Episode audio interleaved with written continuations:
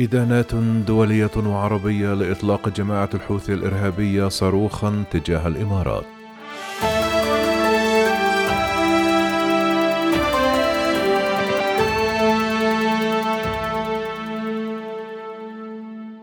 أدان كل من الأردن والبحرين والولايات المتحدة الأمريكية والبرلمان العربي يوم الاثنين إطلاق ميليشيات الحوثي الإرهابية صاروخا تجاه دولة الإمارات العربية المتحدة وأكد الناطق الرسمي باسم وزارة الخارجية وشؤون المغتربين الأردنية إدانة واستنكار المملكة الشديدين لهذا العمل الإرهابي الجبان كما شدد المسؤول الأردني على تضامن ووقوف المملكة المطلق إلى جانب دولة الإمارات العربية المتحدة الشقيقة في كل ما تتخذه من خطوات لحماية أمنها وأمن شعبها الشقيق.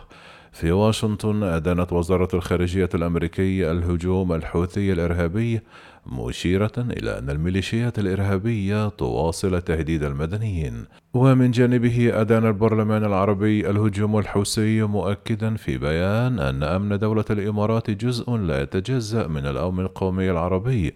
مشددا على أن هذه الأفعال المشينة لن تثني دولة الإمارات عما تقدمه من خدمات إنسانية لشعب اليمن الشقيق وسياساتها التي تهدف إلى صون السلام والاستقرار في منطقة الخليج خاصة والمنطقة العربية عامة وحمل البرلمان العربي المجتمع الدولي المسؤولية الكاملة لاتخاذ مواقف حازمة تجاه هذه الاعتداءات الإرهابية ومحاسبة مرتكبيها ومن يدعمها بالمال والسلاح ومنع الميليشيا الإنقلابية من حيازة أسلحة متطورة وصواريخ باليستية وطائرات مسيرة تستخدمها في تنفيذ أعمالها الإرهابية والتي تستهدف بها المدنيين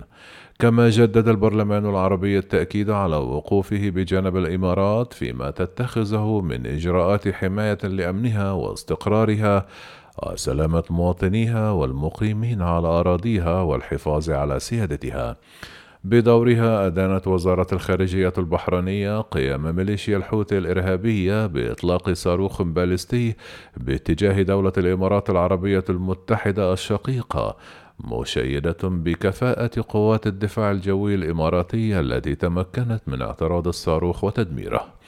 شددت الخارجية البحرينية على أن هذه الاعتداءات الإرهابية الآثمة تعكس إصرار من قبل ميليشيات الحوثي على استهداف المدنيين الآمنين والمنشآت المدنية لافتة إلى وقوف مملكة البحرين في صف واحد إلى جانب دولة الإمارات العربية المتحدة الشقيقة في كل ما تتخذه من إجراءات لحماية أمنها واستقرارها.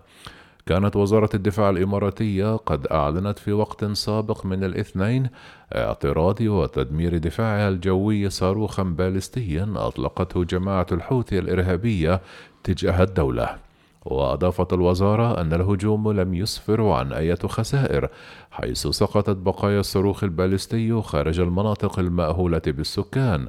وكذلك أشارت الوزارة إلى أن قواتنا الجوية وقيادة التحالف نجحت في تدمير موقع ومنصة الإطلاق في اليمن بعد النجاح في تحديد المواقع المعادية. كما أكدت الوزارة أنها على أهبة الاستعداد والجاهزية للتعامل مع أي تهديدات